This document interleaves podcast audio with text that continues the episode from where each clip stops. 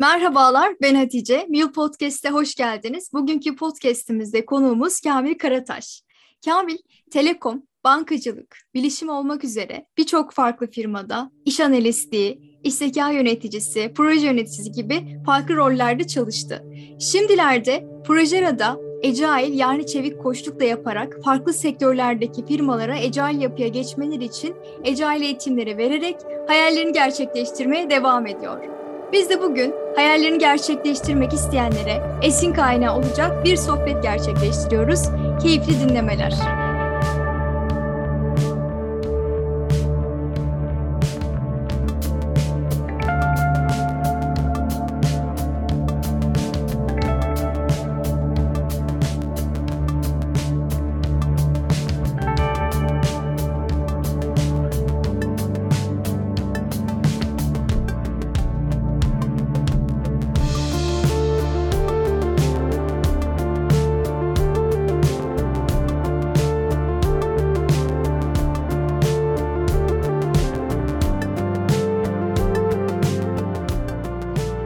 Hoş geldin.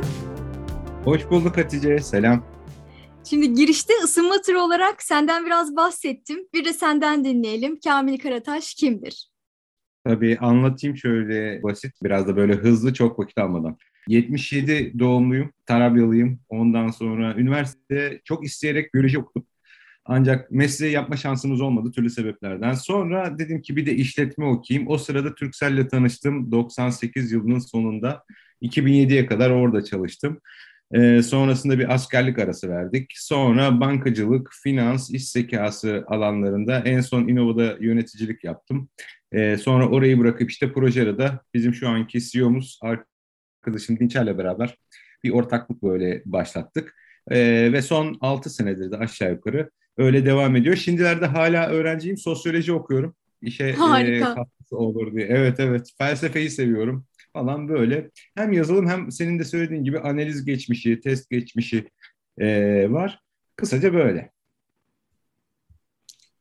Yani sana hep böyle çevik dönüşümle alakalı sorular hazırladım ama o yönlerden de sorular hazırlayabilirmişim. Ama arada soracağım sorularda olacak muhtemelen ki geliyor sorumuz. Çalışırken masanda olmazsa olmaz dediğin neler bulunur? Valla birkaç tane kitap mutlaka bu şeyin ucunda bulunur. E, eğitime de çok meraklı olduğum için biliyorsun. E, Acar Hoca'nın kitapları. E, özellikle liderlik, e, durumsal liderliği anlattığı bir kitabı. Sonra Optimum Denge Modeli Tamer Dövücü'nün Olmazsa Olmaz kitabım her sene okurum onu. 600 sayfa ama okurum. Sonra yalın düşünce yoldan sapmayalım. Arada bir dönüp bakalım diye böyle aralarına notlu şeyler hani postitlerin olduğu yerler. Sonra bakayım başka genel olarak ha bir şey vardı bir döneme kadar böyle geç birkaç sene öncesinde Google nasıl yönetiliyor kitabı dururdu. Bunlar genel olarak masada durur. Bir de not kağıdı mutlaka olur. Bilgisayara not almıyorum. Biraz eski kafa olabilir. Kağıt kalem not alıp sonra onları bir okuyorum. E, hissiyat daha güzel geliyor bana bilmiyorum.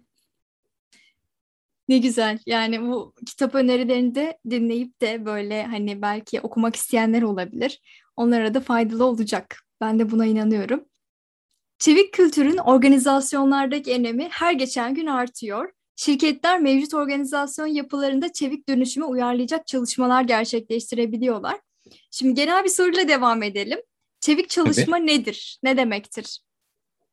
Ya Şimdi aslında güzel oldu bu soru çünkü çok yanlış anlaşılan bir kavram olduğunu düşünüyorum özellikle Türkiye'de. E, çünkü çeviklik demek aslında e, şeyle eşleştiriliyor, hızla eşleştiriliyor çoğu zaman ama kesinlikle değil. Yani içinde bir hız var da bu hayatta olmazsa olmaz hani milyonlar yıldır devam eden bu dönüşüme, evrimsel dönüşüme, e, diğer değişimlere adapte olma hızı aslında. Ne kadar hızlı adapte olursak o kadar hayatta kalma e, şey oluyor, e, fırsatı e, oluyor. E, çevik çalışma aslında dediğimiz gibi piyasaya, duruma, hayata, siyasete, ekonomiye, işte eğitime e, hemen çok kısa genişletebilir miyim e, şeyi Tabii ki. aslında bunu? Bir denge var. Yani e, bir düzen ve o düzene uyum ya da uyumsuzluk gibi bir şey var e, ne kadar uyumlu e, şey yapabiliyoruz? Daha doğrusu dengeyi nasıl kurabiliyoruz, kurabiliyor muyuz? kuramıyor muyuz? Aslında biraz buna bakıyor. Çeviklik demek dolayısıyla tek bir kelime söyle adaptasyon hızı diyebiliriz. Şeyde de öyle bu arada. Ben bir de eğit, şey, araştırma sonucu paylaşayım. Biziz aslında en çevik yaratıklar dünyadaki. Yani bütün canlılar arasında insan düşünebildiği için e, adaptasyon hızı en yüksek olan canlıymış. Çok uzatmıyorum inşallah Hatice. Çok iyi gidiyor. Cevapları. Tamam. Gayet güzel. Çevik dönüşümle ilgili bir de hangi sektörlerde efektif olarak kullanılıyor? Çevik dönüşümü firmaları faydalarından ve senden onları dinlemek isteriz. Tabii. Genellikle Türkiye'de finans ve telko çok şey. Ee, öncelikle finans yani finans dediğim hem bankacılık hem de sigortacılık gibi sektörler çevik dönüşüme çok kıymet veriyorlar. Şey, sonra telko çok e, kıymet veriyor Türkiye'de. E, onun haricinde mesela Türkiye'de çok böyle ihtiyacı olmayan sektörler de var satış gibi. Çünkü zaten doğal olarak hayatları öyle doğup öyle büyüyüp gelişiyorlar. Şeyde çok ihtiyaç duyuluyor. Çok kullanılmıyor ama. E, startuplarda ve e, daha çok böyle küçük teknoloji şirketlerinde ya kullanılıyor gibi düşünsek de tam anlamıyla kullanılmadığını söyleyebilirim. Peki şimdi şeyi de söyleyeyim altında yatan sebep çok basit ve doğal bir sebep. Ecel de çok doğal bir yol yöntemi olduğu için aslında yok olma kaygısı aynı insan gibi türün ya da e, işin sürekli olamayacağı kaygısı aslında çevik dönüşümün önemi. Ne örnek veriyorum? Bankacıların en büyük rakibi Bitcoin mesela son zamanlarda.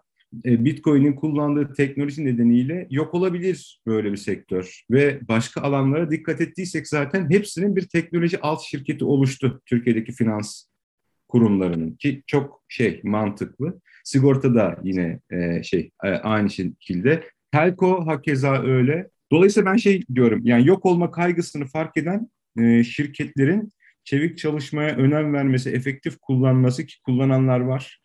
E, temel sebep o. Türkiye'de de şey var en büyükleri işte yine dediğimiz gibi önce banka, e, finans sonra da şey e, telco. Turkcell'dir, işte Türk Telekom'dur, Vodafone'dur gibi. Diğer bir soruyla devam edeyim. Çevik çalışmanın çalışanlara fa- sağladığı faydalar nelerdir? Dezavantajları var mı? Hemen zaten böyle olumsuzu da yerleştirmişiz soruya. O da ayrı şekilde olmuş. Var var olumsuzu olmaz mı? Ee, olumsuzdan mı başlayalım, olumludan mı başlayalım bilmiyorum. Şey, e, çevik çalışma yani m, alışa geldiği insanların alışa geldiğinden farklı bir sistem.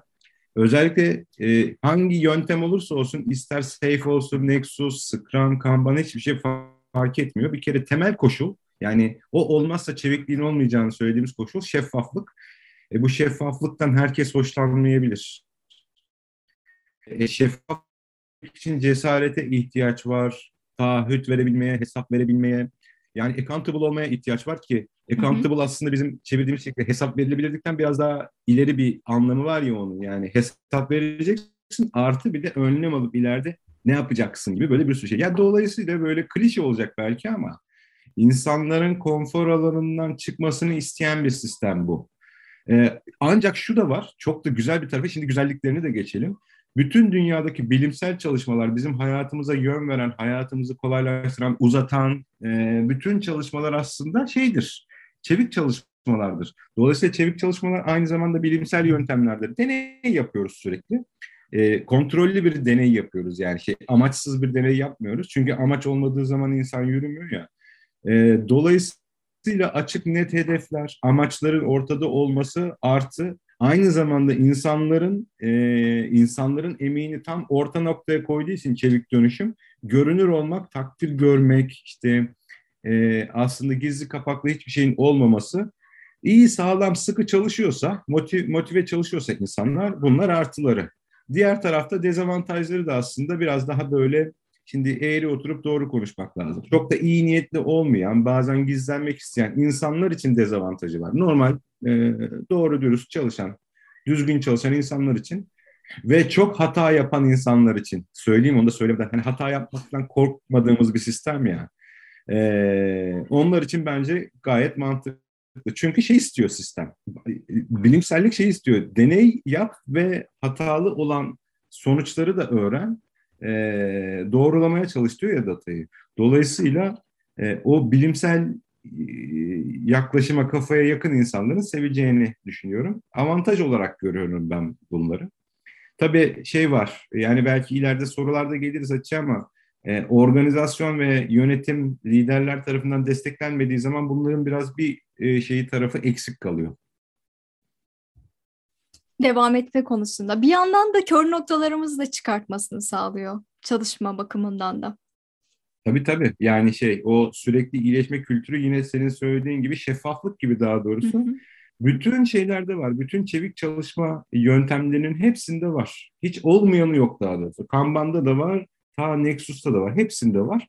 E, ufak ufak ilerlemekler. Hani e, şey e, ben kritik olduğunu düşünüyorum. Şeffaflığın ve küçük parçalarla ilerlemenin. Şey e, bizim eskilerde der ya hani e, dünle bugün birse aslında bir şey zarardayız demektir gibi. Çevik yöntemler de aslında çok yakın şeyler söylüyor zaten.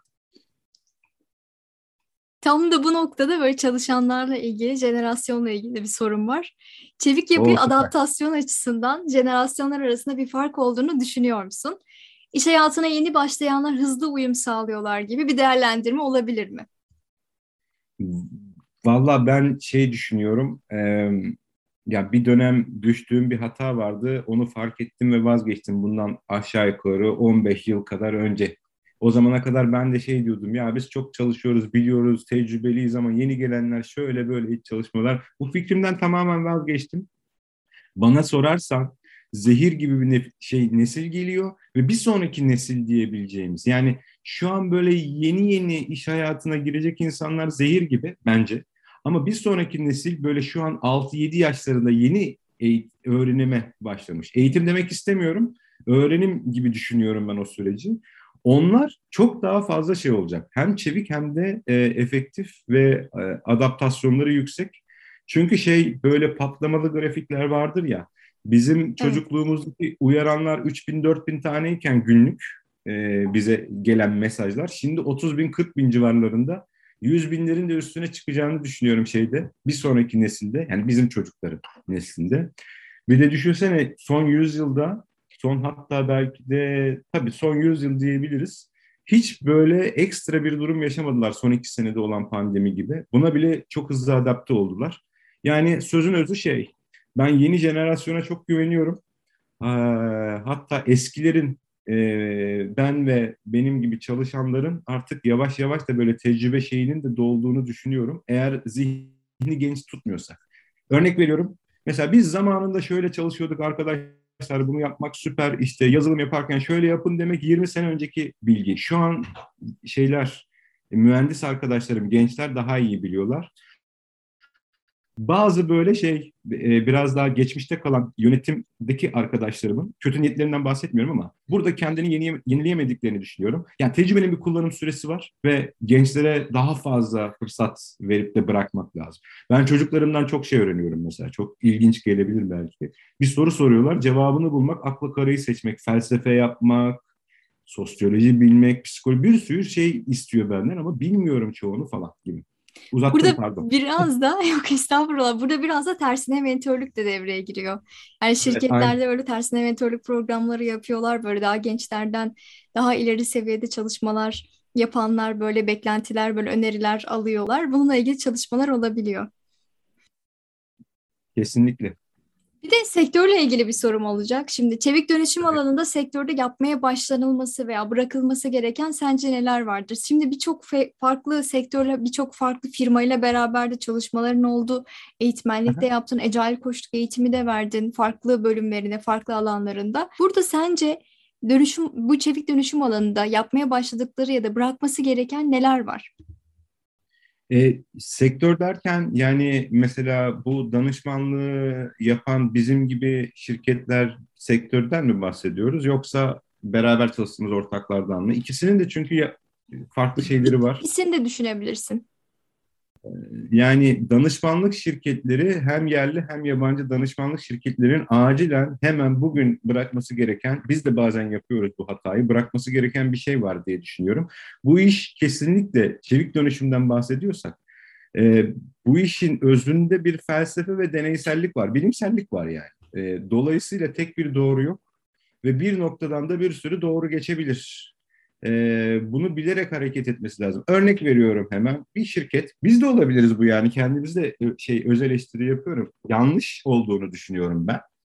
E, Scrum'ı şöyle yapacaksın. Aman illa Scrum yap. Ya e, Agile o değil. Agile'de bilimsellik ve deneysellik var ve insanların yol yöntem kendilerinin de bulmasını yani mentorluk bir noktaya kadar ama ondan sonra koçluklarla ve liderlikle ilerlemesi gereken ama bizde şu oluyor. Siyah giyen adamlar, danışmanlar geliyor şirkete böyle büyük büyük yurt dışından büyük büyük şirketlerden geliyorlar. Şunu şöyle yaparsın, product owner'ı böyle koyarsın. Ya hayır oranın kültürü belki ona ihtiyaç duymuyordur ve belki ecel olur. Çok kısa bir hikaye anlatayım bununla ilgili. Tabii ki. Dudullu sanayi çok değişik bir yerdir. Çok böyle ilerici sanayici arkadaşların olduğu bir yer. Ee, hani çok bilinmez belki. Ee, böyle lider olarak gördükleri isimler, yaptıkları heykeller, çevre düzenlemeleri çok modern bir yer e, burası. Onlarla bir gün konuşmaya gittik ve konuşma sonucunda dedik ki bizim sizden çeviklik anlamında öğreneceğimiz çok şey var. Malzeme yarı mamulün kalitesini oluşturmaktan, standartlaştırmaktan tut, piyasada işte nasıl e, şey yapıldığına kadar. Ee, yani bir tane sanayici arkadaş ki ilkokul mezunu ama acayip modern ve ilerici bir şey e, kafası var. İki tane üniversite öğrencisine böyle kocaman kocaman şirketlere yaptırıp da sonuç alamayacağı bir araştırma yapıyor ve o öğrenciler de acayip mutlu. Altlarına sıfır araba veriyor, ceplerine parayı koyuyor ama hem onları mutlu ediyor, hem liderlik gösteriyor, hem kendi çalışmasını ve çocuklar şey e, o kadar seviyorlar ki patronu. inanılmaz. E, vaktimiz kalırsa belki hani bunun e, çok güzel bir hikaye. Bu arada bizzat bizim yaşadığımız... Tabii tabii istediğin gibi anlatabilirsin. Ee, şey hani belki daha da böyle detaylara girebiliriz ama dolayısıyla şey demek istiyorum. Danışmanlık firmalarının yaptığı en büyük hata bu işi metodoloji gibi hale getirip sıkramı böyle, kanbanı şöyle yaparsın ve insanlara oyun alanı bırakmamaları. Ee, çocuklara yapmaya çalıştığımız zaman böyle bir şey çocuklara eh yeter be diyor yani ben kumda oynayacağım ya kaydıraktan kaymayacağım diyor. E, gelmiş böyle 20-25 yaşında en genci e, yaşlısı 50-55 yaşında insanlara biz şunu yap bunu yap diye dikte etmek biraz böyle bana tuhaf geliyor. Bunu bir bırakmak lazım. Yani daha çok şeye e, nasıl diyeyim onların içindeki potansiyeli çıkartmaya odaklanmak lazım. Şeyi de biliyorsun sen zaten bu işlerin içindesin. Yani İK'yı da çok iyi bildiğin için söylüyorum. Koçluk, mentorluk ve danışmanlık birbiri içine geçmiş böyle Türkiye'de içi bomboş kavramlar haline geldi. Ben koçluk yapıyorum diyor. Ya yaptığı mentorluk hatta da sert yapıyor. Yani hani biliyorsun işte o durumları. Bir de bu böyle şu içi kavramları boşaltmayı bırakıp gerçekten öze odaklanmak gerektiğini düşünüyorum. Şimdi dinleyiciler evet. diyecek ki sanki sen çok iyisin. Ettikçe düzeltmeye çalışıyorum gerçekten de ama hep beraber bunları bırakmak lazım. Bir de e, iş ortakları dediğimiz beraber çalıştığımız insanlar, müşterilerden bahsederim. Onların bırakması gereken en büyük şey ki kilit bir nokta. E, bazı yerde çok karşılaşıyorum. Sen de karşılaşmışsındır eminim. Çok yüksek egoya sahipler. Ya atomu parçalamıyoruz gerçekten. Hani e, bir şeyi bırakıp o egoyu böyle bir kenara bırakıp bilgiyi şey yapmak lazım, artırmak. E, evet, bilgiden lazım. beslenmek lazım. Evet yani bir, bir Almanla konuşurken o kadar güzel geri bildirim alıyorum ve geri bildirim verebiliyorum ama Türkiye'deki bir firmada bir e, alt tarafı yani küçümsediğim için söylemiyorum ama beş kişilik bir ekibin yöneticisiyle konuşurken bile böyle imtina ediyorum bazı. Sonra düşünüyorum ya diyorum ki ben sana bunu söyleyemiyorum. Neden biliyor musun? Bu senden diyorum. İşte şu sebeplerden falan. Bir bunu bırakmak lazım. Yani e, şirketin C-level'ı da olsa, CEO'su da olsa bilmediği bir sürü şey var insanın. İşte o ilk başta konuştuğumuz dengeye gidiyor biraz. Uyum, düzen, düzensizlik. Yani düzenin içinde uyum varsa huzurlu oluyor ya insanlar. İşte o huzuru biraz böyle dürtüp başka bir taraftan yaklaşmak lazım. Yohari penceresi vardır bilirsin. İnsanların aslında üç tane alanını böyle iyi kötü ama bir tanesini hiç bilmezler, göremezler de zaten. Oralara biraz odaklanmak lazım diyorum. E, neyse uzatmayayım şey. Organizasyonların, çalıştığımız insanların bir şeyi, bütün zihni bu, boşaltıp böyle e, felsefi düşüncelerin hepsi gibi mağaradan çıkıp ya bu gölgeler gerçek olmayabilir. Hani ben bir gerçeklikle yüzleşeyim, biraz gözlerim kamaşsın, kanasın, e, biraz acı çekime geçmesi lazım. Oraya pek geçmiyorlar. Yani biraz konfor alanından da çıkması lazım. Tabii tabii şey oluyor operasyonda işte günlük e, operasyonda. Ya eskisi gibi olsun ama Adı da çevik olsun biraz. Roller yeni getirsin ama eskilerin şunları yapsın. Bu, bu böyle bir şey değil. Yani nasıl özetleyebiliriz? Belki işte değişimin direnci. Üç tane şeyimiz var. E, şirketlerde bu çok oluyor. E, ya genelde kaçıyorlar, e, ya savaşmaya çalışıyorlar veya donup kalıyorlar. Donup kalanlar güzel diyoruz tamam mı? Hani onu bir şok atlattıktan sonra bir noktaya gidebiliriz. Ama e, kaçanlar da tamam. O da diyoruz ki bilerek, isteyerek hayatı başka bir şekilde yaşayacak. Fakat savaşmaya çalışanlar gerçekten yoruyor. Hem kendilerini yoruyorlar hem e, bizler yoruluyoruz biraz. Savaşmanın anlamı yok. Değişime şey yapmak lazım. Kabul Ayak uydurmak etmek. lazım. Tam da bu noktada tam sana böyle özgü bir soru hazırladım. O da şu. Çevik dönüşüm sürecinde birey ve takım seviyelerinde yaşadığın bir zorluğu nasıl çözdüğünü bizimle paylaşır mısın? Muhtemelen bu anlattıklarından bayağı yoğun bazı bu direnç gösterenlerle özellikle sorunlar yaşadığını hissediyorum. Bunlardan bir tane örneği bizimle paylaşır mısın? Nasıl çözdün? Tabii olur. Şimdi e, takım seviyesinde yaşanan, yani ben böyle sınıflandırıyorum. E, C-level ve hani en üst yönetim kurulu seviyesinde sorun yaşamıyoruz açıkçası. Eğer iyi anlatırsanız e, zaten onlar genelde stratejik aklı çok iyi çalıştıran insanlar ki oralardadırlar. Ve onlarla genelde bir problem yaşamıyoruz. Onları ikna etmekte şey yapıyoruz biraz. Zorlanıyoruz ki bu bizim de şeyimiz, sevdiğimiz bir alan.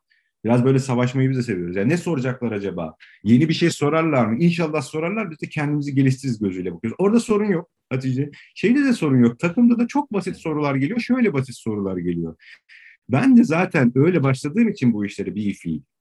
Yani Türkiye'deki ilk e, finans tarafındaki Scrum projesi gizli kapaklı yöneticilerden kaça e, göçe böyle yaptığımız bir projeydi.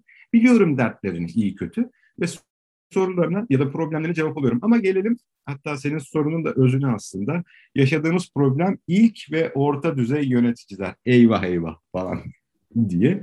Hatta çok sevdiğim e, arkadaşım e, var şeyde Türkcell'de yönetici. Bir direnç bir direnç işe başlarken sene 2016'nın sonları işte 2017'ye doğru başlarken işte bu iş şöyle olmaz böyle olmaz. Dedim ki tamam.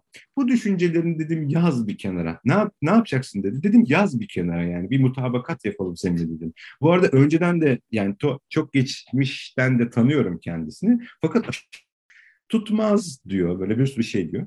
E, şimdi ben de böyle gayet doğal karşıladığım zaman seni de sinirlendirmek hiç şey kolay değil falan diyor hatta. Dedim yaz. Yazdı.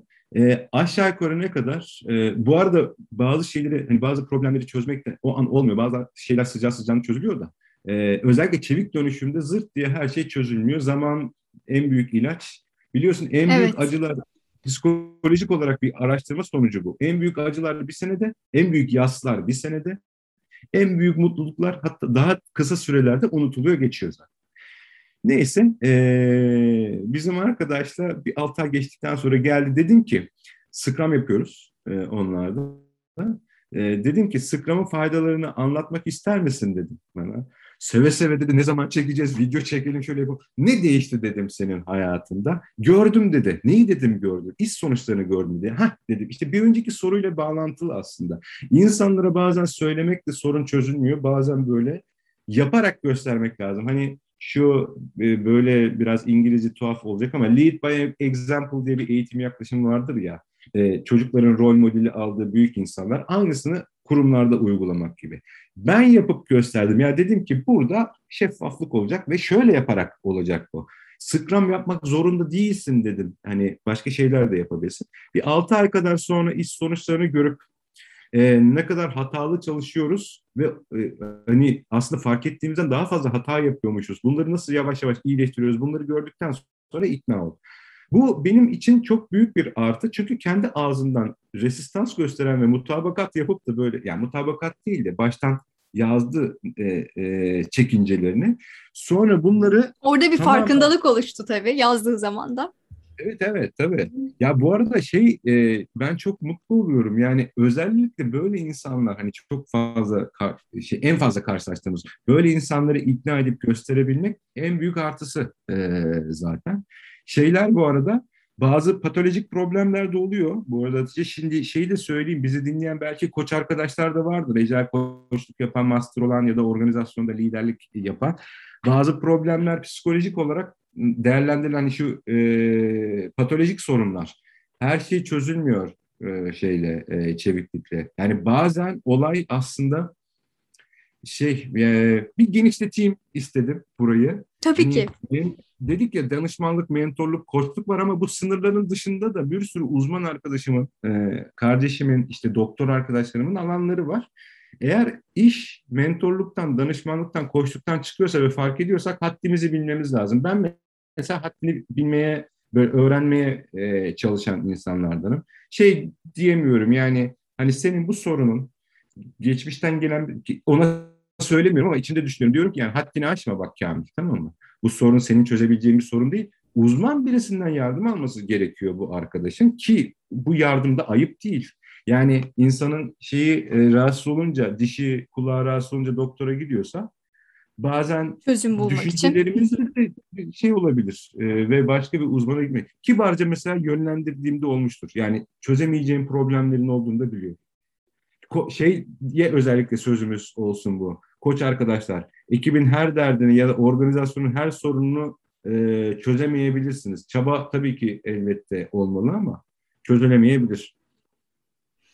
Oldu mu? Koç arkadaşlarımızla ilgili başka sorular da olacak. Onun o bir süper. sonraki hatta direkt o soruyla devam edeyim. Olur ee, tamam. Tabii. Şimdi ben de senden Kanban Master'lık eğitimi de almıştım Türksel'de çalıştığım zamanlarda. O zaman da mesela çevik dönüşüm ile ilgili senin de eğitmenlerinle alakalı eğitimlerle ilgili kapsamlı bilgilendirmeler sağlıyorsun. Kendimize iyi bir rehber de edinmemizi sağlıyorsun.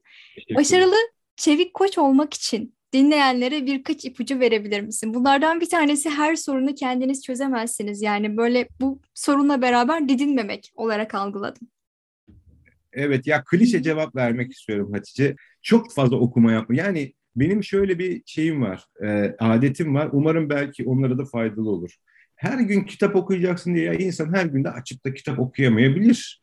Ama böyle dinlendirici farklı bir müzik. Ee, işte o sırada aynı zamanda belki iki paragraflık bir makale ya da böyle doğruluğuna, araştırmalarına güvendiğiniz belli başlı siteler ki hani isteyenler olursa tavsiye edebilirim. Herhangi bir bilim alanında bu arada. Biyoloji için, sosyoloji için işte Orada böyle bir iki paragraflık bir şey e, okumak. Sonra e, disiplin birden fazla disiplin öğrenmek. E, yani eğer mümkünse uzmanlığa giderek hani gerçekten akademik anlamda birden fazla disiplinin olması. Bu eğer mühendisse tam tersi bir bilim veya hani e, fen bilimleri sevmiyorsa sosyal bilimler mesela öğrenilmesi. En azından şu an çok daha kolay mesela İstanbul Üniversitesi'nin, Marmara'nın, işte Kıbrıs'ın, e, Kanada'da bir üniversitenin online programları var mesela bir sürü. Kesinlikle tavsiye ediyorum. Acayip kıymetli bilgiler. Çünkü birden fazla disiplin insanlara birden fazla bakış açısı kazandırıyor. E, dolayısıyla e, e eğitim, şeyde öğrenimde bir yaklaşım var. Disiplinler arası geçişmeler diye. Mesela e, bir ekibe psikolog gözüyle de bakmak, bir ekibe mühendis gözüyle de bakmak, bir ekibe aynı zamanda böyle üretimdeki şey yani üretim mühendisi gözüyle de bakmak ya da bir böyle organizasyon yapısı kurulacaksa inşaat mühendisi gözüyle de bakmak acayip fizibilite yaparlar mesela işte statiğini hesaplarlar. Bu organizasyondan beni çektiği zaman düşmemesi için hangi disiplin lazım gibi. Şimdi bunlar üç günde olacak şeyler değil belki ama eğer insan kendisine koç diyorsa bunu da böyle bir eleştiri olarak söyleyelim. Koç demek şey demek değil. Sorun çözen, işte problemlere yanıt bulan değil. Kesinlikle e, ko- koçluğun bu ICF'in çok güzel tanımı var ya işte bir yerden bir yere beraber gidiyorsun ama hiçbir şey söylemiyorsun fakat yolda beraber yürüyorsun zaten. Sen onun içindeki bazen ses oluyorsun, bazen aynası oluyorsun e, gibi. Onu yapabilmek. Bu da şunu gerektiriyor. E, çok zor, benim çok zor sağlayabildiğim, bazen sağlayamadığım bir şey var mesela. Tarafsız olmak. Yani herhangi biri geldi, bana bir şey danıştı. Eğer ben koçsam ne onun için empati ve aşırı empati, aşırı sempati ne de onun için böyle çok ukala ama ne anlatıyor dememeliyim. Şey gibi ya böyle e, yani herkes okumuştur, e, biliyordur mutlaka. Bir Budist her zaman mesela karşısındakini sıfırdan görür ya. Ne iyi ne kötüdür onun için. Şey vardır yani. O o an olduğu var. gibi kabul edilir. O, olduğu gibi kabul etmek ve Hani bu arada bir tane daha şey kitap önerisi. Ben okeyim sen okeysin. Çok güzel bu konuları anlatan. Bir koçun başucu kitabıdır mesela. Ben okeyim sen okeysin. gibi e, faydalı şeyden şimdi diyecek ki arkadaşlar ya çevik dönüşümle ilgili konuşuyorduk ama çok farklı şeylerden. Evet farklı çevik dönüşüm. Ha bir ara inşaat mühendisi deyince sürekli ortamlar mekaniğine falan gideceğiz diye de düşündüm ben bir. Ha gidiyor gidiyor doğru süper sen biliyorsun işte. Yani şey hani orada kullandığın e, malzemenin şeyini iş sürekli ne, ne, neydi o da, siz daha iyi bilirsiniz. Hani 30 yıl sonraki şeyini de düşünmekte yarar var mesela. İnşaat mühendisleri çok kritik iş yapıyorlar. Bu şimdi Ecel Koç olan ya da olmak isteyen arkadaşlar söyleyeyim neyle eleştirileceksiniz? Ben de eleştiriyorum. Kendimi de bazen durup eleştiriyorum. Ee, ya diyorum sen de hiçbir şey bilmiyormuşsun bu konuda diyorum. Acaba böyle birisi derse gerçekten böyle midir bir bakayım. Ee, işte koç olacak ya da olmak isteyen veya mevcutta yapan arkadaşlara şiddetle e, kendilerini hani eskiden T-shape diyor şey e, sonra P-shape'e geçti. O 40 ayak shape yani hani bir sürü böyle disiplini öğrenmek ve birleştirmek lazım. E, iki günde olmuyor. Eleştiri de şu oluyor dışarıdan. Ya geldi bize koç diye biri. Anlattığı şeyleri ben internetten de okuyorum.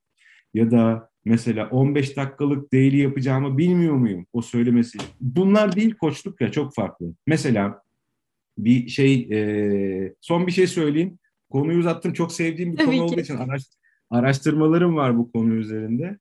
E, koç yani bir tiyo isterlerse arkadaşlar koç ne demek?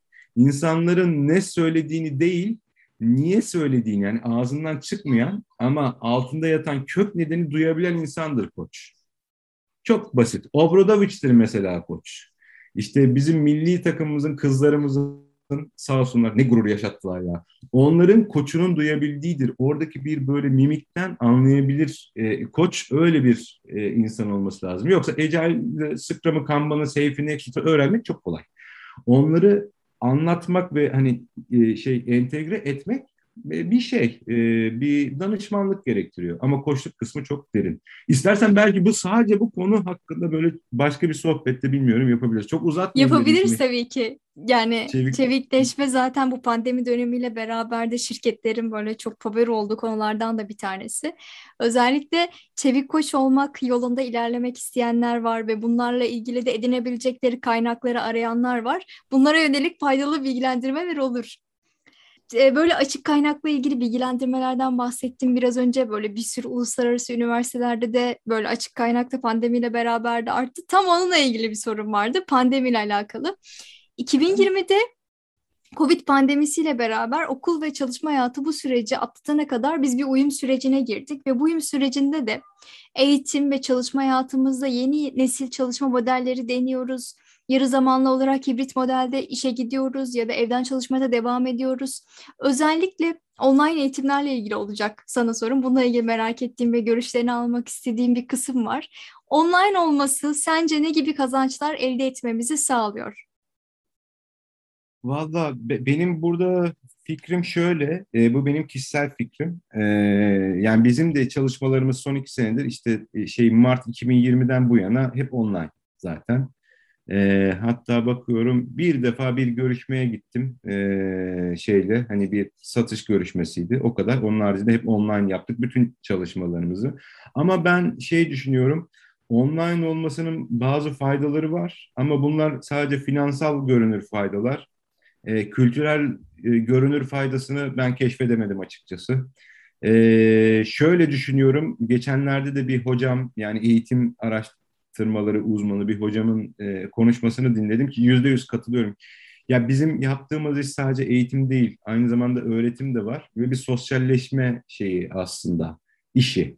Ee, ve bu bizim anlattıklarımızı yine kendimize eleştirelim. Bizim anlattıklarımızı oturup da insanlar okuyup kendileri video çekip aslında bir eğitim haline bile getirebilirler. Bunda bir sıkıntı yok. Ama bir araya geldiğimiz zaman yani yüz yüze de çok daha farklı şeyler konuşuyoruz, anlatıyoruz, şey iletişim kurabiliyoruz. Daha rahat anlıyoruz kendimizi.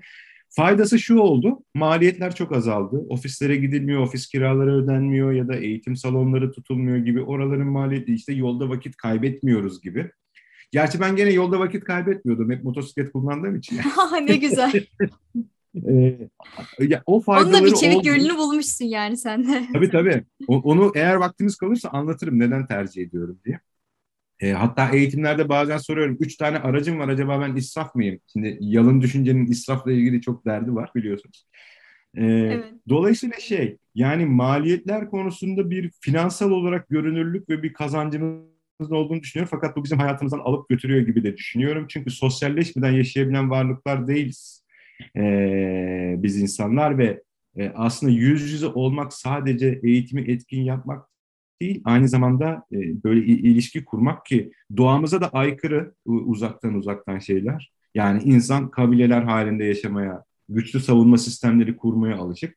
Şu an bir de şey, hatta e, daha da dezavantajları var. Mesela e, biz seninle ne güzel şu an yüz yüze bu kaydı gerçekleştiriyoruz ama bazen bazı firmalar özellikle hiç kimse şey açmıyor, ekran açmıyor. Karşındaki evet. 10 yaşında mı, 15 yaşında mı, 55 yaşında mı, yani acaba böyle mimiklerinden mimiklerle ilgili böyle izotomi falan belki şey yapmak isteyen, araştırmak isteyen iletişimin büyük bir kısmı ve okuyamıyorum ki bedenini. İnsan ne söylüyor acaba bana diyor. Aa hocam ağzınıza sağlık derken belki şöyle yapıyor yani hani bir yerden çıkar ha da işte falan gibi.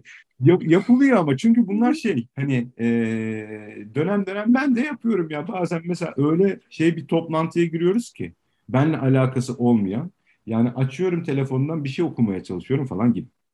Bilmiyorum cevap oldu mu? Ee, sayın gayet Hatice. gayet güzel cevap oldu. Şimdi çevikleşmeden devam ederken aklıma şöyle şeyler geldi. Mesela hani firmalar ve şirketlerden bahsediyoruz ama bunun evine getiren ecel koçlar vardı. Çocuğu üniversite sınavına, lise sınavına hazırlanacak.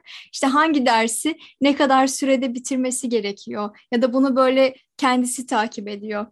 Yani hem çocuğunu da yani doğuştan bir böyle ecel koç gibi yetiştiriyor. Hem okul sistemini de eve uyarlayan insanlar da vardı.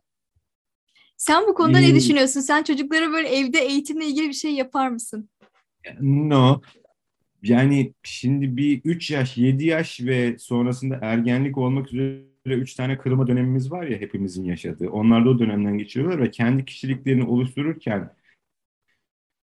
ben oralara böyle çok ince bir çizgi müdahil olacak bir şey yapmak istemiyorum çok fazla. E, eğitim öğretimci arkadaşlarıma bırakıyorum. Yani çok seviyorum öğretmenlerini mesela çok da güveniyorum. O yüzden onların alanına da e, girmeyeyim e, diyorum. Çünkü yani şimdi bir çocuk var fiziği bir saatte öğrenir. Bir çocuk var yüz saatte ben öğrenemedim bir türlü. Mesela fizik anlamam fizikten yani ben. E, mesafe işte anlamam yani gerçekten. Ee, şimdi bu çocuğa fiziği 3 saatte öğreneceksin işte her gün şöyle çalışacak dediği vakit belki onun karakterinde ya da içinde içinden çıkartması gereken bir performans engel. Belki piyano çalacak o 3 saatte çok mutlu olacak. 2 dakika fizik problemine bakıp çözecek. O onun şeyi, o onun karakteri ve kişiliği ve e, ne bileyim e, beyninin çalışma sistemi. Ben biraz zorlama olduğunu düşünüyorum bunun. Yani e, e işi eve getirmenin. Ama kendi hayatıma uyguluyorum hani bilinç yüksek olduğu için artık belli bir yaştan sonra işte 45'i de devirdikten sonra e, şeyin e, hiçbir şey olmadığımı anlıyorum hani felsefik e, olarak uygulayabiliyorum ama küçüklere özellikle biraz daha böyle alan tanı, serbestlik tanı. Mesela atıyorum. İşte akşam 8 ile 9 arası ders çalışmak. Ya o gün hasta karnı ağrıyor ve verimli olamayacak. Bırak yatsın uyusun. Ya da oyun oynasın yani. Çünkü şey var vakti ve telafi edilebilir gibi düşünüyorum. Anlatabildim mi tam bilmiyorum evet, ama. çok güzel anlattın. Yani şimdi biraz da hayal ettim. Evde mesela böyle sistem nasıl yapılabilir, kurulsa, bir board oluşturulsa vesaire. Biraz belki zorlama olabilir. Ben Çocukların gelişim yani. çağında. Ben ben de zorlama e, olacağını e, düşünüyorum. Mesela şöyle onlar şu an işte 7 yaşına e, giriyorlar e, bir birkaç gün sonra e, ve birçok konuda karar alırken biz çocuklarla beraber alıyoruz, onları danışıyoruz. Bugün ne yapalım, gezmeye gideceksek de ama dördümüz hep beraber karar vermeliyiz falan e, gibi mesela konuşuyoruz. Şuraya gidiyoruz, orada gideceksin, iki saat eğleneceksin, iki saat sonra işte tuduyu dana çekeceksin falan demek. Biraz böyle tuhaf geliyor bana ne bileyim. Bu da benden bir eleştiri olsun. Şimdi diğer bir sorumuz da yine pandemiyle ilgili. 2020'de pandemide böyle yeni alışkanlıklar yaşadık, böyle yeni sorunlar çözmeye çalıştık. Senin ve ekibinin 2020'de çözdüğü en büyük sorun neydi? Ee, pandemi kaynaklı mı? Pandemi kaynaklı. Valla şeydi çok büyük bir karmaşa ve hani ne olacağı bilinmezlik ve böyle bu kaotik ortamda e, iş sürekliliği de şey de var tabii hani e, çalışan arkadaşlarımızın e, benim şirkette farklı görevinde olduğu için işte bir ortaklık şeyi de var. E, finans tarafı da bende. Hep şeyi düşündüm. Ya şimdi iş sürekliliği, müşterilerle nasıl çalışacağız, tahsilatlar nasıl olacak? Bazen tahsilatlarda sorun yaşandığı vakit ve e, hadi bizi geçtik de Dinçer ben e, hani bizi geçtik ama arkadaşlarımızın ödemelerinde herhangi bir sıkıntı olmaması için çok fazla plan yaptık. Bu bir zorluktu. Ama ondan sonra bir, bu bir fırsata döndü. Çünkü e, çok önceden beri düşündüğümüz, hissettiğimiz mesela online'da şeyi fark ettik. Hemen eğitimleri biz yarıya düşürdük. Şöyle yarıya düşürdük. Bir gün bir tam gün eğitim vermeyelim de yarım yarım gidelim gibi. Sağ olsun mesela çok uzun süredir çalıştığımız ING Bank e, ilk bize böyle o konuda destek olan şeydi, e, firmaydı. Evet dedi onlar da yani yarım gün eğitim yapalım, yarım gün iş yapalım ve kısa tutalım falan gibi. Sonra birdenbire şey oldu. E, böyle yapabildiğimiz zaman aynı gün iki müşteri. Aa şey düşündük şimdi o zaman boşluklarımız olduğu zaman açalım bir sistem ve insanlar gelsin orada bizden bir şeyler danışsın diye şey oldu. Yeni fikirler. Bu arada bir e, arada tam arasında pandeminin yani geçtiğimiz iki tam ortasında bir çalıştay yaptık böyle ayrı ayrı hep açık mekanda Antalya'da. Orada mesela çok e, çalıştık ne olacak bu işin geleceği gibi strateji. E, şeyi e, en büyük problemimiz çok fazla araştırma yapmak e, yani ana dal haricinde çok fazla böyle çevresel araştırma yapmak ve bunları analiz edip birleştirmek zorluktu bizim için. E, ama bunları birleştirebildikten sonra özellikle o çalıştayda yeni fırsatların ortaya çıktığını düşünüyoruz. Şu an bizde bir, e, bir projede bir dönüşüm içinde. Biraz iş modelimiz farklı. Yakında şeyde e, ne derler yakında e, duyuracağız zaten ama çalışmalar devam ediyor. E, mesai çok fazla mesai harcamamıza sebep oldu. E, ama sonu e, iyi oldu gibi görünüyor. Çok güzel. Yani Buradayla da ilgili aslında çevik dönüşümü şimdi pandemi döneminde yaşamış olduk. Pandemiden önce de çevik dönüşümle ilgili bir sürü çalışmalar gerçekleştiriyordunuz. Şimdi tam böyle çevik dönüşümle ilgili 5 sene için tahminlerini merak ediyorum. Seni heyecanlandıran neler var 5 sene için çevik dönüşümle alakalı? Ha, Belki e, startuplarda daha fazla olabilir. Söylediklerinden direkt aklıma o canlandı. Yani e, ben çok fazla farklı böyle şey e, disiplinlerin bir araya gelip yeni yeni iş modelleri ortaya çıkacağını düşünüyorum. E, özellikle finans ve telkodaki o tehdit e, var demiştim ya, o tehdidin artarak devam edeceğini e, ve şeyde özellikle bizim ülkeden e, daha fazla hani son birkaç tane çıktı ne güzel mesela böyle şey e, unicorn daha fazla çıkacağını düşünüyorum. Çünkü şey e, fırsatlar azalıyor gibi görünse de tehditler arttığı için yeni fırsatlar doğuracak diye düşünüyorum. Bazı sektörlerin biteceğini düşünüyorum. Özellikle enerji sektörünün çok fazla böyle yıldızının parlayacağını ve çevik dönüşümün genelde e, şeyin ARGE ve verimlilik üzerine gideceğini yani Kanban'ın etkisinin e, bir miktar belki azalabileceğini ama özellikle Scrum'da çok fazla deneme yapmanın daha önemli olacağını öngörüyorum. Şeyin de uzmanlıkların e, yani temel uzmanlıklara saygı olmakla beraber bunları şey kullanan e, ne derler bir ya da birden fazla daha doğrusu bir tane değil de birden fazla uzmanlığı olan e, insanların e, değerinin daha artacağını e, düşünüyorum. Bir de C-level'ın azalacağını öngörüyorum ben e, bundan sonraki dönemde yavaş yavaş. Yani insanlarda böyle merkezi yönetimden ziyade kontrolün uçlara e, dağıtıldığı yapılara geçmek gibi bir e, ve dolayısıyla tabii çok fazla C e, pozisyonun olmayacağını şey gibi e, ki bunlar e, ne derler sibernetik e, organizmalar yani doğadaki modellerden yararlanarak getirileceğini düşünüyorum. At şey gibi mesela işte deniz analarının bir sürü beyninin olması, e, farklı farklı ama koordineli çalışması e, gibi modellerin e, şeye 5 sene içinde böyle ortaya çıkacağını düşünüyorum ben. Benim de kafamda bazı konular oluşmaya başladı bu bahsettiklerinden sonra. Kamil çok teşekkürler. Çok keyifli ve verimli bir sohbet oldu. Yani o kadar içeriğinde bahsettiğin konular var ki başka bir yayınımızda yine görüşmek isterim açıkçası. Ve sevgilerimi sunuyorum. İyi ki de geldin. Çok zevkle ben de çok isterim. Ee, iyi ki davet ettiniz siz de. Vallahi çok mutlu oldum. Ee, her zaman e, şey yaparım, gelmek isterim ben. Sana ulaşmak isteyen soruları olanlar için de LinkedIn hesabını da paylaşacağız. Orada da soru sormak isteyen dinleyicilerimiz olursa Ece Ali Koç'la ilgili, çevik dönüşümle ilgili paylaşabilirler. Tabii her zaman. Güzel, çok teşekkür ederiz. Görüşmek üzere. Ben, ben çok teşekkür ediyorum. Elinize sağlık. Görüşürüz.